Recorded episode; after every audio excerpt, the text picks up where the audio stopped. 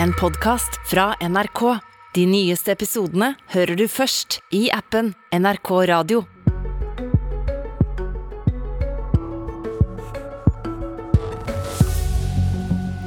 Høyre vil ha strengere krav for klimautslipp for byggenæringen. På et vanvittig tidspunkt, ifølge Frp, for næringen sliter nok, selv uten nye krav og restriksjoner fra hva de mener er MDG-kloningen Høyre. Ja, velkommen til Politisk kvarter, der vi også skal høre at byrådet i Bergen lever farlig.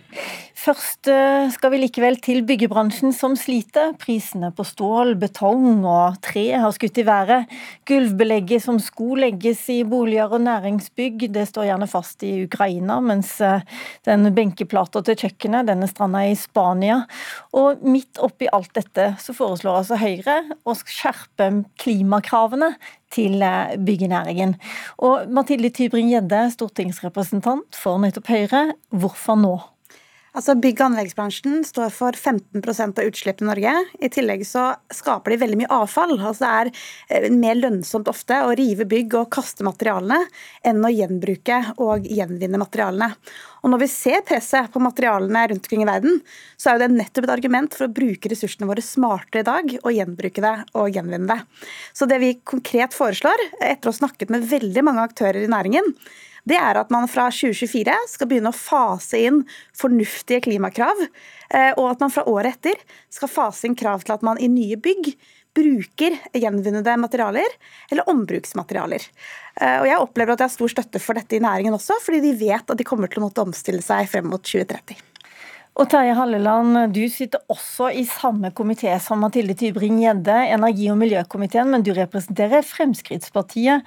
Og du uh, sier at du kjenner ikke Høyre igjen lenger. Hva mener du med det?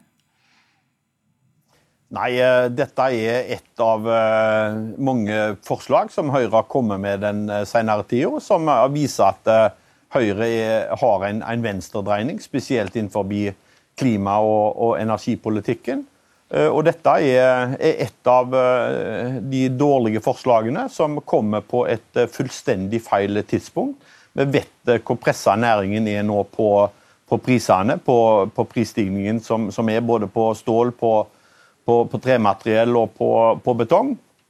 Og, vi, og vi, de innfører altså krav på, tidsmessig innføring som gjør at forslaget mer eller mindre er urealistisk å få gjennomført. Urealistisk, eh, Tybring-Gjedde? Altså jeg tror ikke Frp helt har fulgt med i timen. fordi fordi Det er faktisk veldig mange i næringen som ønsker å omstille seg.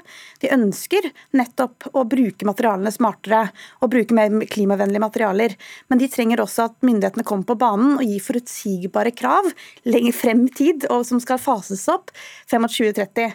Eh, og Det en måte, Frp legger opp til nå, det er jo at det kommer til å bli veldig krevende for næringen å nå sine egne klimamål eh, i 2030, ved at man ikke nå starter det, det arbeidet. Hva bygger du det på, Terje Halleland, at det er så krevende for næringen? Nei, altså, Hvis du eh, veldig enkelt føler bitte litt med i dag, så ser du at uh, vi har uh, en næring som, uh, som, opplever store prisstigninger. og, og Det er bare én lommebok som, som, kan betale dette, og det er kundens lommebok. Og nå, nå, har vi en næring som har store problemer med store prisstigninger. Så vet vi at vi har en kunde som har store utfordringer med å betale strømregningen, som betaler Eh, drivstoffregningen sin, med å betale matregningen, med å betale økende renter.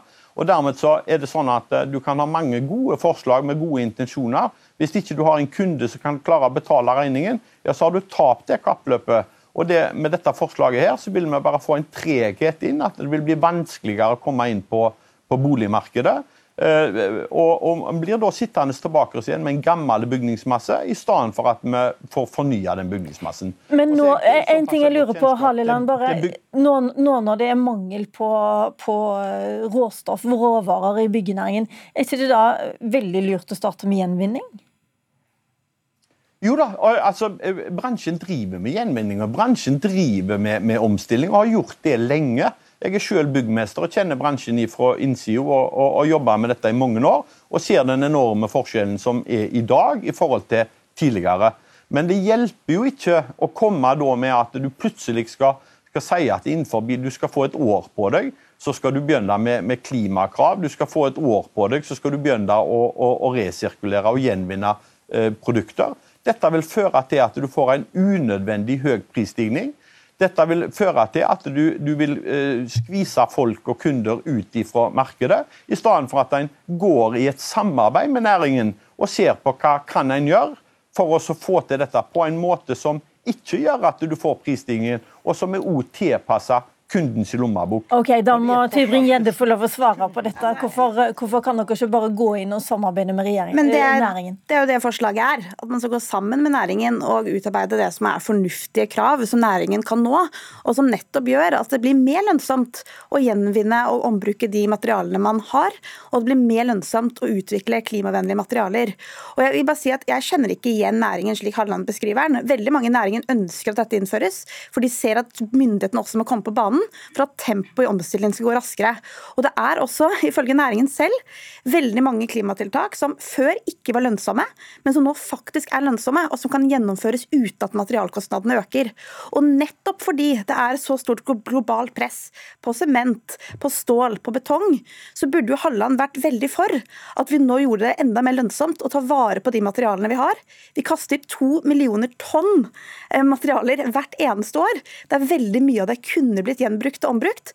Og det er jo vinn-vinn for økonomien, og også for forbrukerne, og også for næringen. Nå har jeg lyst til å høre med næringen sjøl, og akkurat i dag så er den representert med deg, Katarina Bramslev. Du er daglig leder i Grønn byggallianse. Og dere organiserer altså 400 statlige og private aktører i byggenæringen. Hvor ambisiøst er dette opplegget som Høyre foreslår nå, med krav til klimakutt altså innen 2024, og krav til gjenvinning innen 2025. Da vil jeg jo si at eh, næringen er faktisk mer ambisiøs enn det politikerne er. Og jeg vil nesten si at eh, politikerne undervurderer næringen. Allerede sist år så anbefalte eh, både Grønn byggeallianse, Entreprenørforeningen og eh, Byggherreforeningen Norsk Eiendom, som nettopp er de som betaler for dette her, at det skulle komme krav til klimagassregnskap i forskriftene og 20% klimakutt for materialer allerede nå 2022. Så det er egentlig å slå inn en åpen dør. Næringen foreslo også at det skulle lages en nedtrappingsplan eh, i samarbeid, eh, næringen myndighetene. Eh, og er klare til å gå inn på det. Men altså, hvis dere er så klare, hvis dere foreslår det, trenger dere egentlig politisk innblanding her? Hvis dere kanskje kommer og gjøre det? Mm. Det er et godt spørsmål. Norsk byggenæring 97% består av små selskap med 120 ansatte. Og det er klart at De store som har prøvd ut dette, her, de ser at det verken er dyrt eller vanskelig å få til i hvert fall 20% kutt. Eh, ved å få et krav, så vil eh, resten av næringen også måtte jobbe med kreative løsninger. Og norsk byggenæring er veldig flink på å levere på klare bestillinger. Da er de kreative og finner løsninger. Men hvis vi skal nå våre klimamål, så er alle nødt til å gjøre en innsats, og da trenger vi krav. Så Det er det ene. Og Det andre er jo dette med ombruk som ble diskutert. Og det er jo helt riktig at Vi er i en klimakrise samtidig som vi er i en økonomisk krise, men ombruk av materialer er et kinderegg. Du både sparer materiale- og råvarekostnader, du unngår internasjonale eh, leverandørutfordringer, og du sparer klima og miljø. Jeg kjenner jeg blir nesten litt sånn der, eh, skeptisk her. Grønn byggeallianse høres ut som liksom de ivrigste på klima. De er samla i den alliansen din. Er du sikker på det, næringen, det alle sammen du snakker for nå? Ja, dette bekreftes eh, både av Entreprenørforeningen, EBA eh, og Norsk Eiendom. og Senest for to dager siden så hadde Statsbygg en stor konferanse hvor lederne var samlet for å snakke om utfordringene som næringen nå står overfor. Der ble det klart sagt eh, fra lederne at vi, den største utfordringen er allikevel klimakrisen.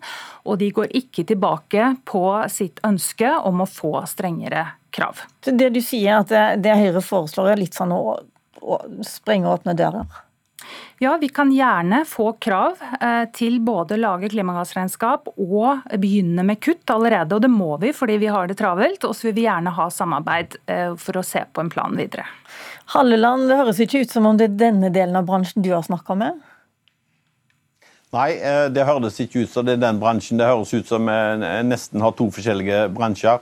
Det er klart at du har nisjebedrifter og nisjeorganisasjoner som, som syns det er veldig fint med, med, med krav. Og, og, og, nye krav, og, og at klima skal være veldig viktig. Og, for all del, både miljøsida og klimasida er viktig i, i, bransjen, og vi vet at, at bransjen har omstilt seg veldig. Men allikevel så er det sånn at det er en som skal betale den regningen til slutt. Det er kunden. og Hvis ikke kunden er i stand til å betale den regningen, ja, så får vi ikke det nybygget. Og da har vi ikke vunnet noen verdens ting. Mathilde Tybring-Gjedde, det høres heller ikke veldig ambisiøst ut, eh, det du har lagt fram på Stortinget. Hvis bransjen sjøl sier at de er klare for å kutte 20 og du sier at eh, vi kan sette et krav innen 2024, så så nå ble jeg jo kritisert fra begge kanter, og det er ofte et mm. tegn på at man har funnet en, funnet en riktig linje. Nei, men Jeg mener at dette er veldig interessant, eh, og det er i samsvar med det vi egentlig har hørt fra mange aktører. De ønsker egentlig bare fortgang i at myndighetene kommer på banen, fordi at det fører til at man får en raskere omstilling i markedet. At det lønner seg å utvikle mer klimavennlige materialer. Og da unngår man også de store kostnadene som Halleland advarer mot. Ok, Vi får se i 2025 om vi får eh, stål som er brukt i en annen bygning, og byggematerialer også som, som holder til flere bygg. Takk for at dere kom til Politisk kvarter i dag. Vi setter en strek der. Abonner på Politisk kvarter som podkast, og få sendingen rett til din mobil. Og så retter vi blikket mot eh, Bergen, der eh, de allerede har begynt å tenke på at eh, om et år så er det snart valg. Og valgkampen er allerede i gang. Både Høyre og Arbeiderpartiet de lader opp til kampen om makta i Bergen, som i alle de andre store byene. I Bergen så hadde de siste tre årene vært en skjør allianse mellom Arbeiderpartiet, Venstre, Kristelig Folkeparti og MDG.